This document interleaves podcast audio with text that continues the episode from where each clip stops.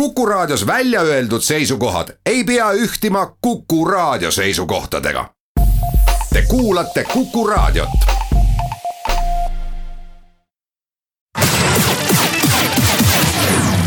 nädala Tegija. tegijaid hoiab Itella Smartpost. nädala Tegija alustab ja sellel nädalal räägime eelarvest, sest äh, järgmisel nädalal peab valitsus Riigikogule üle andma kahe tuhande kahekümnenda aasta riigieelarve. ja millal siis veel eelarvest rääkida, kui mõni päev enne seda, kui valitsus oma toimingu teoks teeb, sest siis võib-olla saab mingeid asju veel muutma hakata. saates külas meil rahandusminister Martin Helme, tere päevast. tervist. no et eelarvest rääkima hakata, peab tegelikult pisut ajalukku vaatama ja kuulasin üks päev raadiot ja raadios esines saatekülalisena valitsusekaaslane, Isamaa kultuuriminister Tõnis Lukas.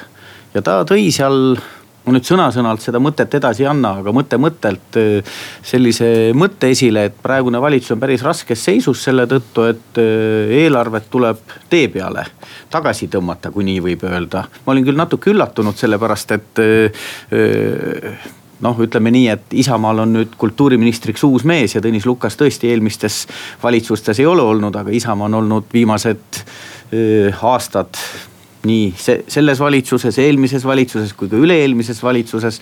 mind nagu selline alasti ülestunnistus, et, et midagi on viltu läinud, natukene üllatas, aga äh, EKRE ei ole olnud eelmises valitsuses, üle-eelmises valitsuses äh,. rahandusminister Martin Helme ei vastuta noh, selles mõttes mineviku asjadest isegi kaudselt oma erakonna kaudu. küsimus on, et äh, kui raskesse seisu tänase Eh, ütleme siis selle kahe tuhande kahekümnenda aasta eelarvet eh, koostades tänane valitsus pandi nende eelmiste eelarvetega või eelmiste otsustega. Ja no see vastab tõele, et eh, kui kahe tuhande kaheksateistkümnendat aastat eelarvet vastu võeti riigikogus, siis ma hääletasin sellele vastu ja pidasin tulise kõne riigikogu puldist ja täpselt sama on ka kahe tuhande üheksateistkümnenda aasta eelarvega, ma olin tol ajal opositsioonisaadik läksin pulti ja ütlesin, et see eelarve ei ole realistlik, et see tulude pool on üle blufitud ja kulude pool on liiga suur. Ehm, ma loomulikult ei, äh, ei, ei, ei hakka tänapäeval enam kellelegi näpuga näitama, sest et, et need, kes teda, seda eelarvet tegid, on nüüd meil valitsuskaaslased, aga tõepoolest nii ta on, et. et vähemalt ei, ei, ei ole mul ei moraalset ega mingit muud vastutust selle eest, mis on varasematel aastatel eelarvega tehtud. nüüd äh, nende samade koalitsioonikaaslaste kaitseks, kes, kes siis olid võimul ja praegu on äh,, praegu on meie koalitsioonikaaslased, tuleb ka öelda, et, et kaheksateistkümnenda ja üheksateistkümnenda aasta eelarve tagantjärgi äh, läks palju halvemaks. noh, mis võib-olla on prognoosimise viga või, või millegi muu viga, aga äh, siin on nagu mitu asjaolu kokku sattunud, et kui selle aasta augustis äh, Eesti statistikaamet revideeris meie skp numbreid. ja, ja leidis, et meie skp on tegelikult suurem või kasvanud kiiremini, kui varasema, varasem teadmine oli siis see tegelikult eh, noh, seda võib-olla ei hakka raadiokuulajat tüütama väga tehnilise jutuga, aga see tegelikult muutis eelarve pilti oluliselt kehvemaks. Ja nüüd me jõuame siis selleni, et eh, kui tagantjärgi tundus, et kaheksateistkümnenda aasta eelarve oli tasakaalus, siis nende skp numbrite valguses kukkus Eesti riigieelarve struktuursesse miinusesse kaheksateistkümnendal aastal päris sügavalt ja üheksateistkümnendal aastal ka. ja seda me nüüd klaarime ja, ja selles mõttes Lukasel oli õigus, et me alustasime, nii kui valitsus ametisse sai äh,, eks ole, aprilli lõpus saime ametisse ja terve maikuu me tegelesime sellega, et, et äh, siis panna paika järgmise nelja aasta eelarvestrateegiat ehk see, mis kõik poliitikud ja žargoon on RES ja, ja seal me alustasime ikkagi väga suure miinuseaugu täiskühveldamisega. Ja, ja selle miinuseaugu täiskühveldamine jätkus siis nüüd septembris. Ja ma olen nagu selles mõttes võin väga, väga rahulolevalt tõdeda, et selle ülesandega me oleme hakkama saanud, me oleme siin äh, erinevate, erinevate meetmetega eelarve kulude poolt kokku võtnud, eelarve tulude poolt äh, paremaks saanud. Äh, ja, ja, ja see on olnud väga suur töö. nii et noh, selles mõttes meil on olnud nagu korraga vaja olnud nii-öelda köiel kõndida ja žongleerida, et äh, ühest küljest on vaja olnud klaarida tekkinud miinust ja teisest küljest on olnud vaja leida võimalusi ja vahendeid oma poliitiliste lubaduste elluviimiseks, mis kõik vajavad rahalist katet. noh, tagantjärgi võib öelda, et, et tagantjärgi olukord muutus, aga me ju kõik mäletame, mis toimus kaks tuhat kaheksateist aasta jõulude ajal. kuidas eh, eelarvet vastu võttes, kui ma õigesti mäletan, püstitati lausa maailmarekord katuserahade jagamises ja, ja tegelikult eh, noh, see nüüd ei käi praegu stuudios istuva ministri suhtes see kriitika, aga tollane valitsus piltlikult öeldes või valitsuskoalitsioon üritas tegelikult eelarve kaudu hääli osta ja, ja noh, ma ei mäleta, minu arust see, kas see katusrahade summa ei läinud juba üle saja miljoni, mis tähendab seda, et kui defitsiit lõpuks jäi kolmsada miljonit, siis väga võimsalt anti ka sellise noh, populistliku mänguga eelarve noh, miinusele tuge või tõuget juurde. No katuserahad äh, on selline noh eh, poliitiliselt laetud termin loomulikult, et. Äh, ma ütlen lihtsalt ja, inimestele arusaadavas ja, keeles, eks ju. aga noh, ütleme laias laastus eelarve mõistes on nad ikkagi mingisugused ühekordsed investeeringud ja nende ühekordsete investeeringute tegemine.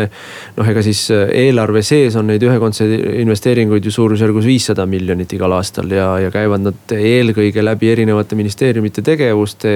seal all on hästi palju erinevaid asju, alates siis ütleme koolide ehitamisest või, või mingitest kergliiklusteedest kuskil, mida omavalitsused teevad, millele nad kunagi on küsinud raha siis ka mingitest erinevatest meetmetest ja, ja lõpetades siis ma ei tea, päästeametile uute autode ostmisega ja nii edasi.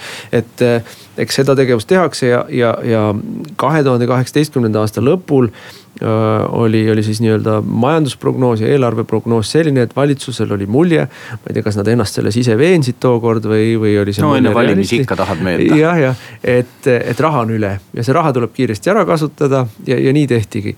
aga nüüd selles mõttes ma ei ütleks, et ei tea küll ühtegi demokraatlikku riiki, kus ennem vali-, valimisi äh, valitsused ei kuku usinalt kulutama, et see on üsna tavapärane, et siin meie kindlasti ei eristu kuidagi ühte ega teistpidi. Äh, seda muidugi peaks, peaks tegema, eriti arvestades seda, et sa loodad ka pärast valimisi edasi võimul olla. et seda peaks tegema viisil, mis sulle endale ei tekita kohutavat peal, peavalu pool aastat hiljem. Äh, aga noh, nii on nagu on.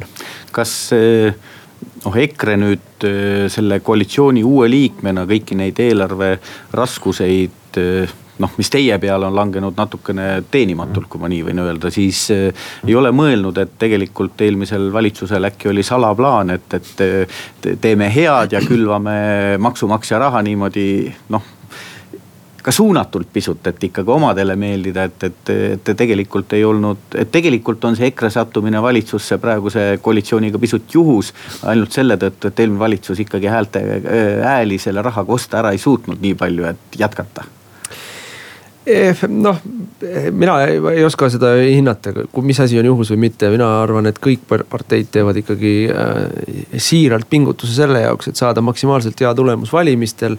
Ja see maksimaalselt hea tulemus valimistel annab võimaluse siis, tekitab sulle suuremad võimalused olla valitsuses ja.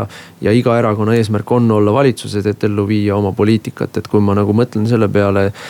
et ma olen olnud nüüd valitsuses noh, natuke vähem kui pool aastat ja, ja selle, selle nelja-viie kuuga ma olen tegelikult rohkem ära saanud teha oma erinevaid poliitilisi eesmärke täita, kui kõikidel varasematel aastatel riigikogus opositsioonis olles, et siis noh, see siin on oma nagu väga selge karm loogika sees, miks niimoodi on.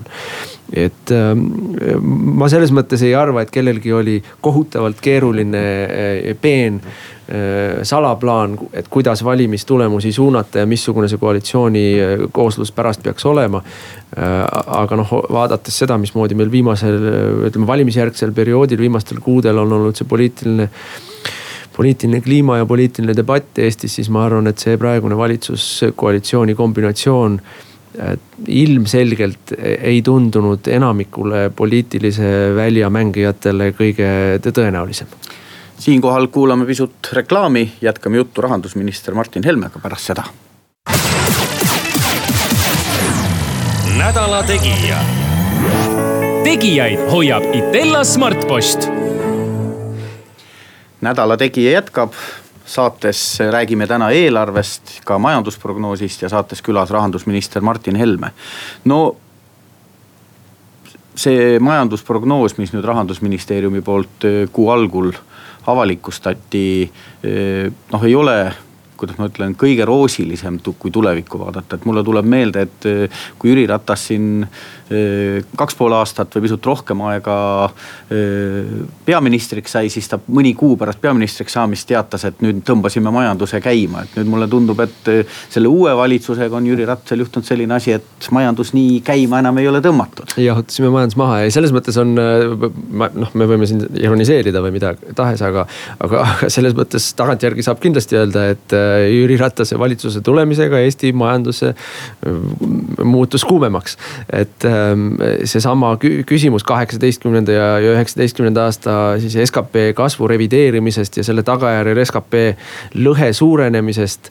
Ähm, noh, nutame või naerame või, või teeme nalja või mitte, aga jääb sellesse aega, kui noh, järgneb sellele ajale, kui toimus Eestis valitsuse vahetus ja mina eh, kindlasti eh, näen siin ühte, ühe põhjusena ka seda, et valitsus asus usinamalt kulutama ehk majandust siis nagu nii-öelda üles kütma. aga sellel loomulikult on eh, noh, sellel on ajutine iseloom, eks ju. sellel on nüüd see tagajärg, et nüüd et, te peate nüüd, jahutama. nüüd just nimelt no ja, ja, ja ega siis midagi teha ei saa, ega kui me kärbime riigieelarvet, eks ole, riigieelarve moodustab meil Eestis peaaegu pool, pool SKP-st. et kui me kärbime riigieelarvet, see, see, need kärped ju selgelt jahutavad majandust, et, et noh, selles mõttes, kui me siin võtame kokku investeeringuid ja ja, ja, ja külmutame palgatõusu. et sellel on ju väga selge äh, siis tsüklit võimendav mõju mõnes mõttes, et äh, see, kui majandus hakkab jahtuma, sul maksulaekumised vaatad, et hakkavad vähenema või, või ütleme, maksulaekumiste kasv hakkab vähenema. ja sa omalt poolt reageerid sellele mingisuguste kulude kokkuhoidmisega, siis sa tegelikult omakorda järgmises sammus annad hoogu juurde sellele, et ta jahtuks veelgi. et noh, see, see on see igipõline mure kõikidel valitsustel, et äh, siis kui majandus on täistuuridel käib, maksulaekud paranevad ja siis, kui valitsus kulutab, siis ta kütab hoogu juurde. ja kui äh, majanduse tsükkel pöördub ja hakkab jahtuma, siis valitsus hakkavad, valitsused hakkavad, eks ole, kulusid kärpima ja omakorda kütavad siis hoogu juurde sellele langusele. et kuidas teha niimoodi, et see valitsuse käitumine on vastutsükliline. sellele ma tegelikult väga põhjalikult keskendun ja, ja, ja see on üks põhjus, miks ma nagu väga jõuliselt lükkan neid suuri infrastruktuuri investeeringuid, olgu nad siis PPP-ga või laenuga, kuidas tahes, et kui me praegu alustame selleks ettevalmistumist siis e-, ega me ehitama saame hakatagi kuskil siin aasta-kahe pärast, eks ju. ja, ja see on just see periood, kus meil on vaja e, avalikus sektoris rohkem kulutada, et tasakaalustada seda majanduse jahtumist. et kui me hakkame siis alles mõtlema ehitamise peale, kui see noh, langus on päriselt käes Äh, siis me jõuame ehitamiseni ajaks, kui see langus on läbi ja tõus on jälle käes, et ehk me siis võimendame tsüklit. et, et ähm, aga nüüd, mis räägi-, kui me räägime sellest majanduse prognoosist, siis äh, noh, see, see, see kindlasti lohutab väheseid, aga see on igipõline tõde Eestis, et Eesti majandus siiski eelkõige reageerib väliskeskkonnale. no ilmselt ka siis, kui Ratas võimule sai, reageeris tegelikult väliskeskkonnale. vastab ka tõele, vastab ka tõele, eks ju, et äh, kui meil siin oli euro, eurotsoonis seitsmeteistkümnendal ja kaheksateistkümnendal aastal niisugune nii-öelda minibuum siis see, siis see jõudiski Eestisse ka ja, ja, ja mõjutas ka Eesti äh, avaliku sektori noh, ütleme siis maksulaekumisi, eks ole. ja, ja, ja, ja mõjutas tegelikult Eestit, Eestis, Eestis oli see buum suurem kui mujal Euroopas, sest et me siin seda võimendasime valitsuse poliitikaga. nüüd äh, valit-, siis rahandusministeeriumi prognoos kahekümnendaks aastaks on, on äh, veidi äh, väiksem, kui ta oli kevadel, noh, see alla, allatulek ei ole väga suur komakohtadega, aga, aga on. ja äh, mina isegi noh, mina ei sekku prognoosimisse ega ei, ei, ei ütle nende prognoosinumbrite kohta, et nad on õiged või valed, eks ole, prognoos on prognoos aga kahekümne esimese, kahekümne teise aasta suhtes mina oleksin isegi ettevaatlikum, kui meie praegune prognoos näitab. sest et kui me vaatame erinevaid siis suuri majandusalasid maailmas, Ameerika Ühendriigid, euroala, Hiina, siis Ladina-Ameerikat. Nendel kõigil on järgnevatel aastatel ikkagi kõik märgid näitavad tõsised raskused ees ja, ja, ja noh, kui nad kõik kuni, kuni ütleme, kuni viimase ajani ameerikla-, Ameerika majandus oli nagu selles mõttes er, eristus. et, et seal kõigid, kõik märgid nagu olid head või kõik näitajad olid head, et majanduskasv oli tugev. aga seal on ka erinevad, see pilt on nüüd muutunud selliseks, et seal on erinevad näitajad, näitavad erinevat suunda, eks ole, et me võime öelda, et näiteks töö, tööturg on seal jätkuvalt väga heas seisus ja, ja, ja mingisugused muud näitajad on seal jätkuvalt väga heas seisus. sama kehtib ka Eesti kohta.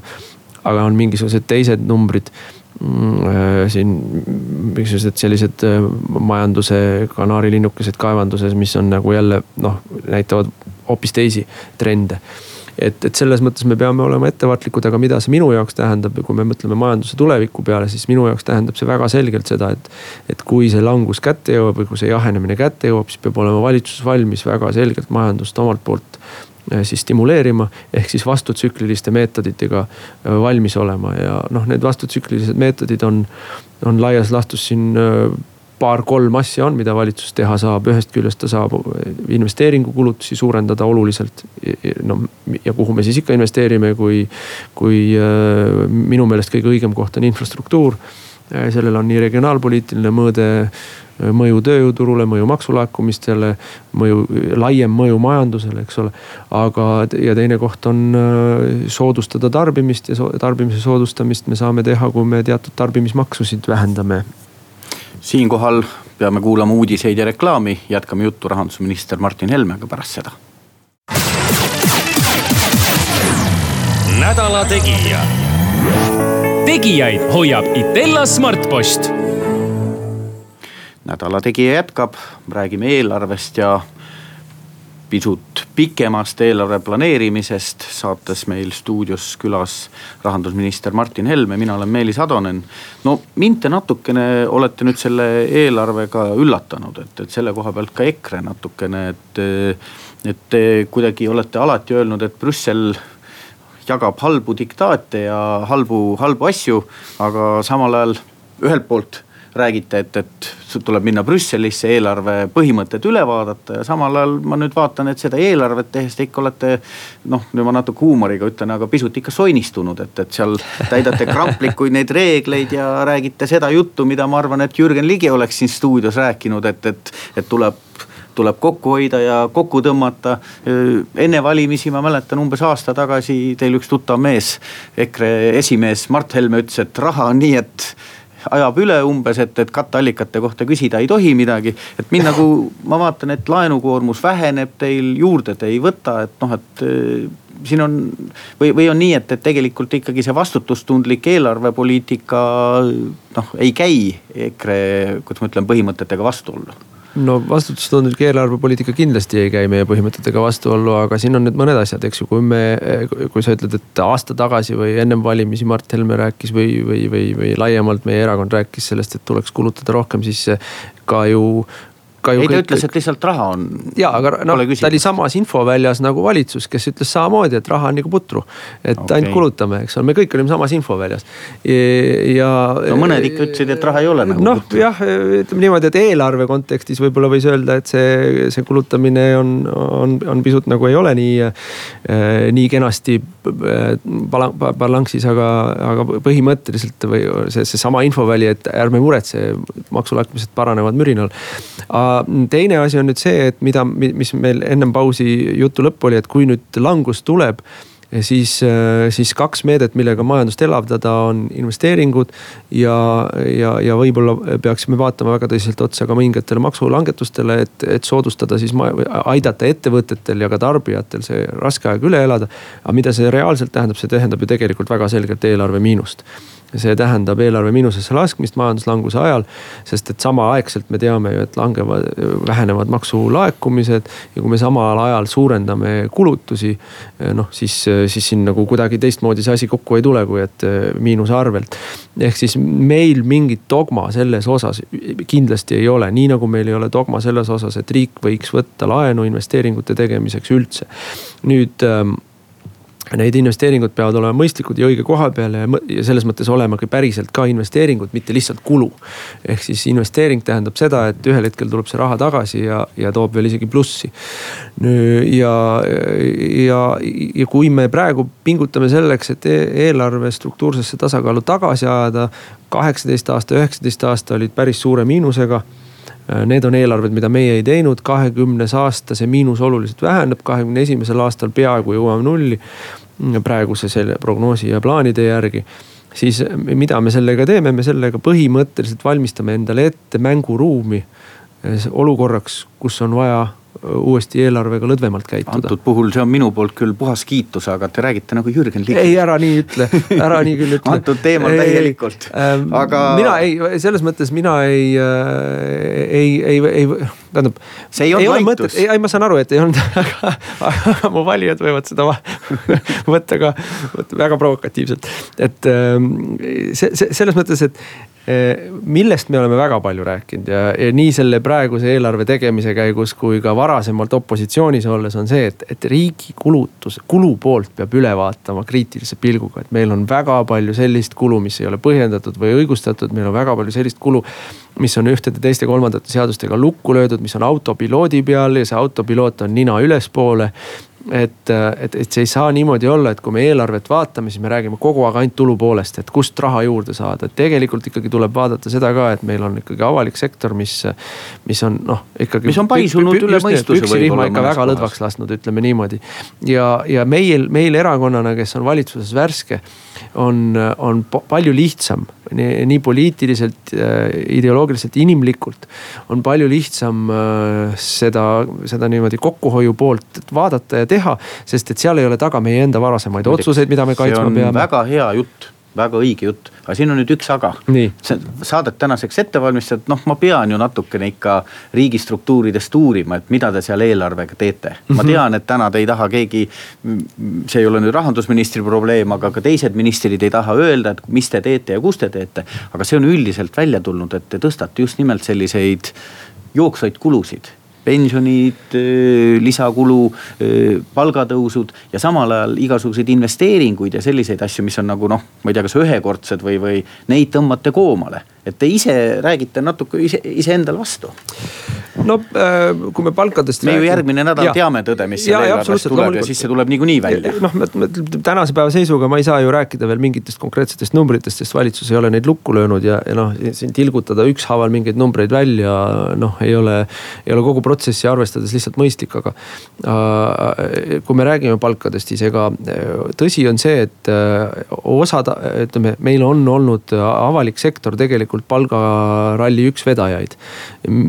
aga eh, see on selline, eh, see pilt kui sa lähed nii-öelda detailidesse, siis see on väga eh, mitmekülgne, et ühest küljest, just nimelt, et ühest küljest on olnud tõepoolest näiteks noh, ütleme ministeeriumites on palk, palgatase on väga hea.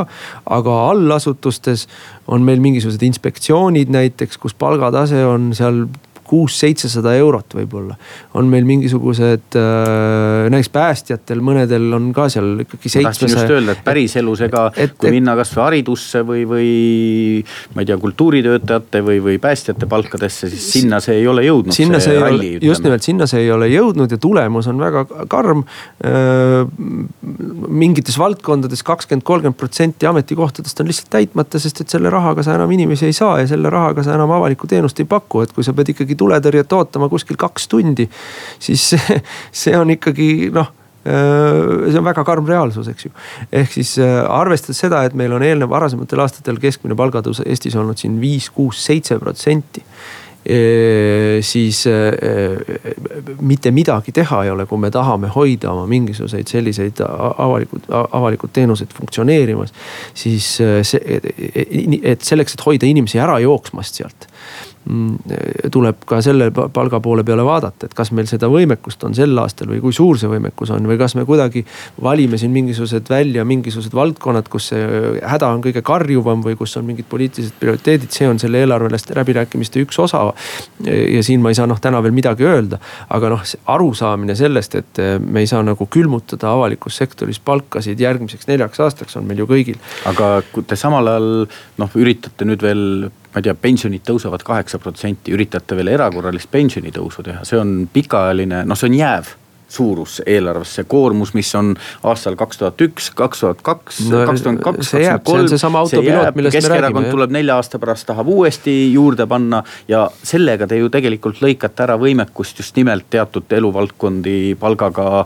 noh, kuidas ma ütlen, toetada, lisatoetada, sest noh, raha kulub lihtsalt sinna, kus äh, tegelikult äh, võib-olla kõige suurem puudus ei olegi, muideks rahvastikuministri nõunik alles üks päev Facebookis käis ja ütles, et tegelikult vanem põlvkond saab täitsa hakkama noh, seal on ka pilt väga erinev, et seal on olemas inimesi, meil on olemas pensionäre, kelle pension esimesest, teisest sambast ja veel eripension kokku on üle kahe poole tuhande. Neid inimesi on küll Eestis, ma ei tea, kahekohaline number, aga ka selliseid pensionäre no, Eestis on. Üksikud, aga nimelt, ütleme, et. et see keskmine pension on meil ikkagi äh, allpool miinimumpalka ja, ja, ja, ja noh, see, see, see vaesus on ja, ja, ja kõige vaesem ots on ikkagi väga vaene, et me räägime siin kolmesaja viiekümne eurosest pensionist, mis noh. ma ei tea, ma ei tea ühtegi inimest, kes äh, nagu sirge näoga saaks väita, et selle rahaga hästi on võimalik hästi ära elada. et äh, noh, see karjub ja mis on, mis on, mis on lahendus või mis on vastus, noh minu jaoks on vastus väga lihtne. Eesti Eesti riiki tuleb teha rikkamaks. kogu Eesti ühiskonda tuleb teha rikkamaks, siis on ka meil võimalik seda maksutulu saada ilma makse tõstmata oluliselt. lihtsalt äh, kogu riiki on vaja raha juurde tuua ja, ja, ja see, ja see tähendab nagu selliseid põhimõttelisemaid otsuseid ja siin, ja siin ma jõuan tagasi nende infrastruktuuri investeeringute juurde, et see avab meile tee riiki rikkuse juurde toomiseks või noh, ütleme kogu Eesti majanduspotentsiaali suurendamiseks siinkohal kuulame veel korra reklaami, jätkame juttu rahandusminister Martin Helmega pärast seda. nädala Tegija. tegijaid hoiab Itella Smartpost. nädala Tegija jätkab saates külas täna rahandusminister Martin Helme. mina olen Meelis Atonen ja räägime eelarvest, räägime rahadest ja riigi plaanidest tulevikku. no ma ei tea, need infrastruktuuri suured projektid ja PPP, et, et eh, see on nüüd üks teema, kus mulle tundub, et üritatakse jänest eh, kaabust välja tõsta. võib-olla ma ei ole millestki aru saanud, aga mina olen PPP-st öö, eh, otse kokku puutunud siis, kui ma ise olin kunagi majandusminister. ja käisin ühes Euroopa Liidu riigis öö, öö, nagu rahandusminister käis nüüd Saksamaal visiidil. Saksamaal ja Austrias. nojah ja., mina käisin hoopis teistes, teises riigis küll, ma ei hakka seda riiki ütlema, et ta ei puutu otseselt asjasse.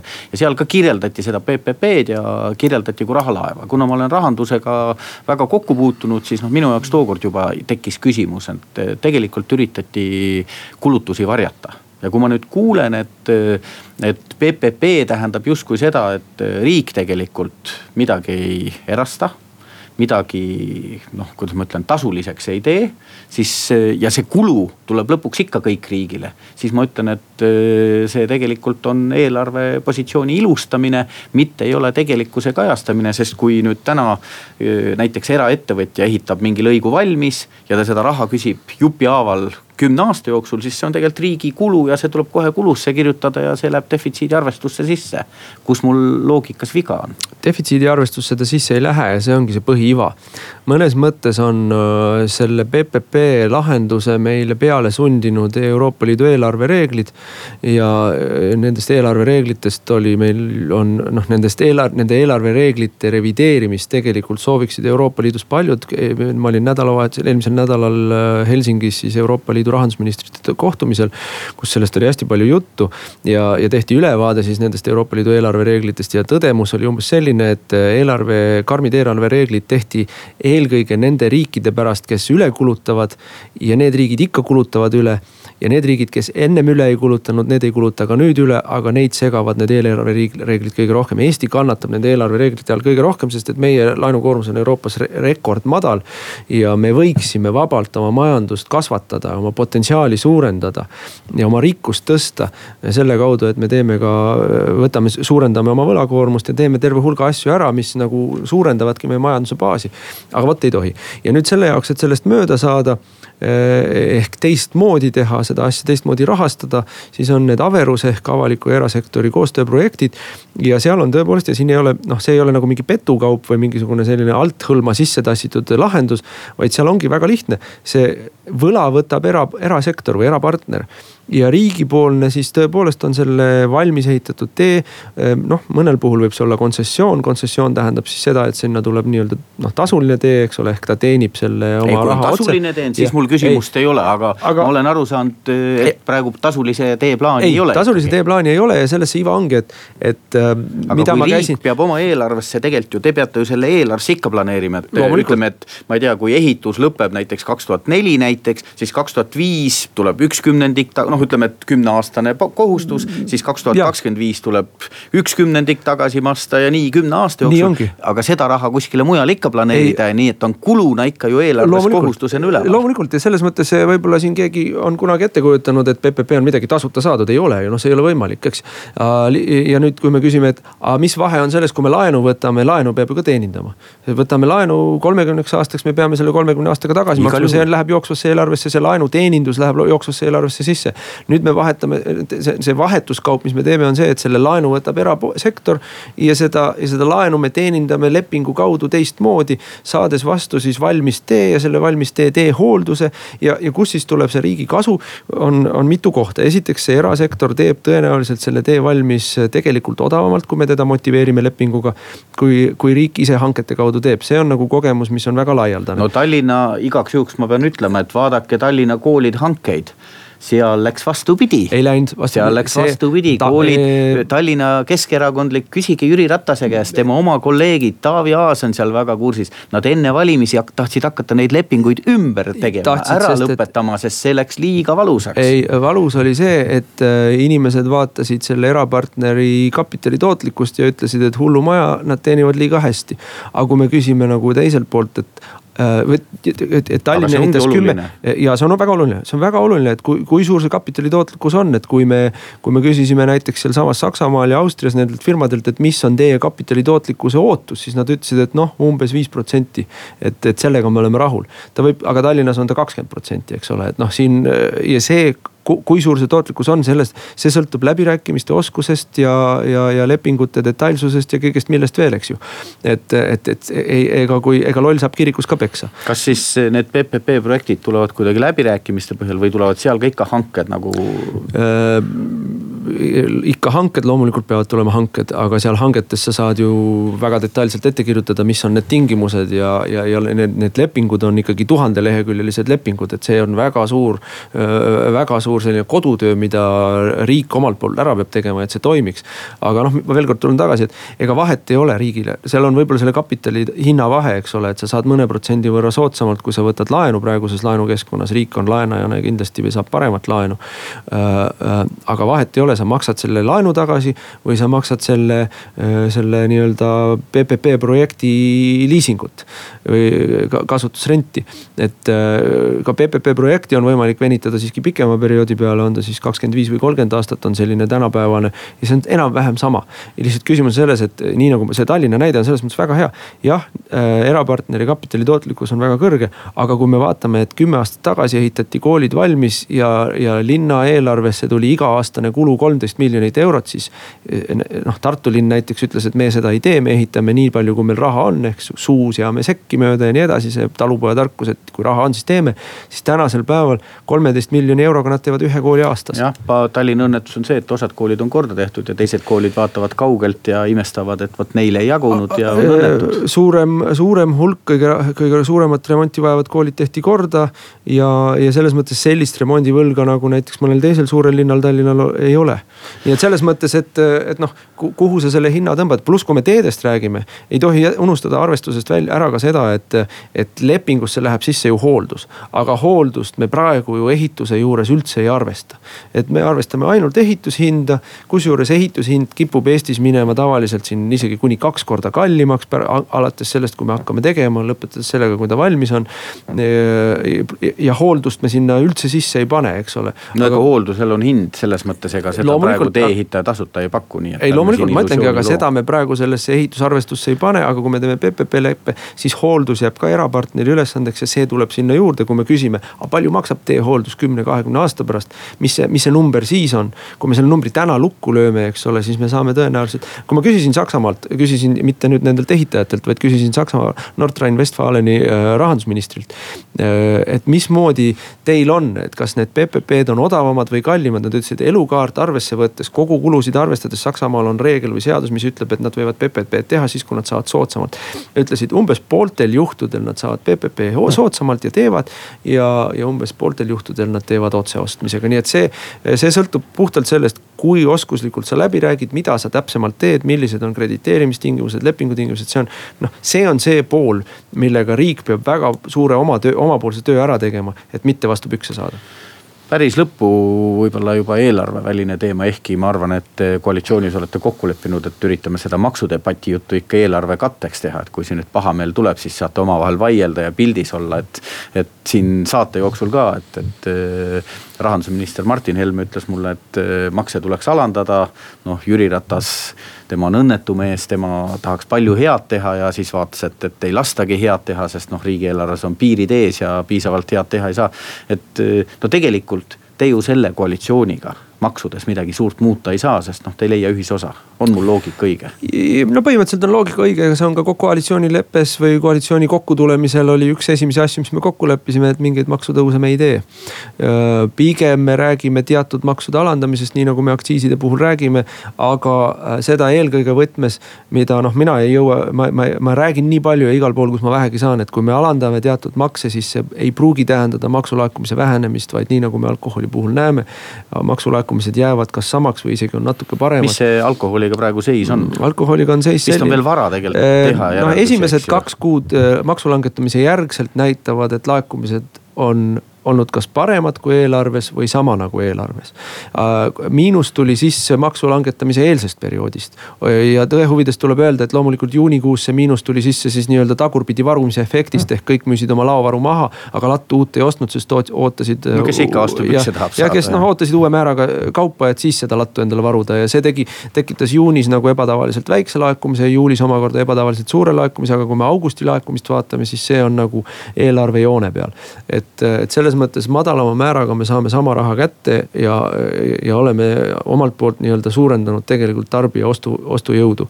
ehk siis noh, sama, sama asja tahaks teha ära ka diisliaktsiisiga, aga siin on arvutused alles pooleli tänan, Martin Helme, loomulikult eelarve on mahukas dokument ja me võiks siin rääkida tunde, eks järgmine nädal kõik loeme ja võib-olla peab juhtuma, et sellel sügisel me siin korra veel kohtume, et juba detailsemalt eelarvest rääkida, aitäh ja jõudu. aitäh kutsumast. nädala Tegija. tegijaid hoiab Itella Smartpost